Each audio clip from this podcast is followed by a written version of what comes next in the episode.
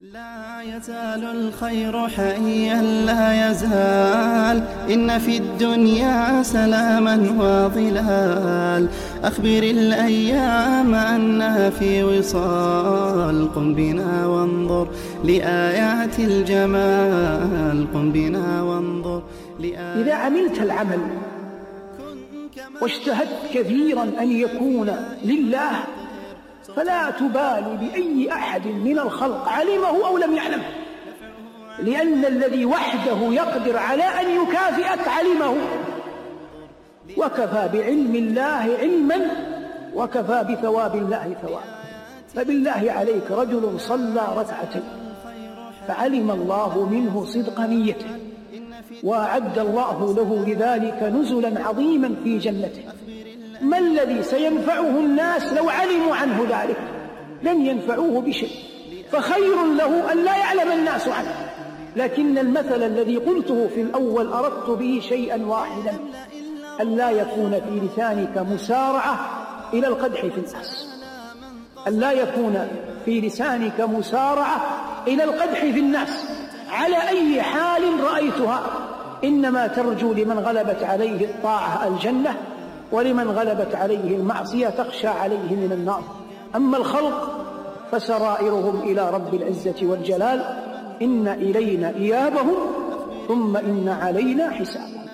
الله جل وعلا وحده يتولى محاسبة خلقه وهو القيوم عليهم تبارك وتعالى وكلهم فقراء إليه.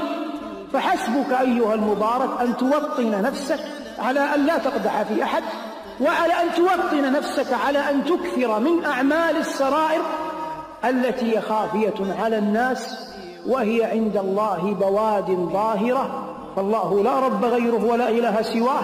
القلوب له مفضية والسر عنده علانية. وحده تبارك وتعالى يقدم من يشاء بفضله ويؤخر من يشاء بعدله. ولا يسأله مخلوق عن علة فعله ولا يعترض عليه ذو عقل بعقله. وحتى تكون هناك أعمال سرائر في الخلاء لا بد أن يكون في القلب تعظيم لرب العزة والجلال. لا بد أن يكون هناك علم بالله جل وعلا وهذا ينجم عن تدبر القرآن وتلاوة آياته.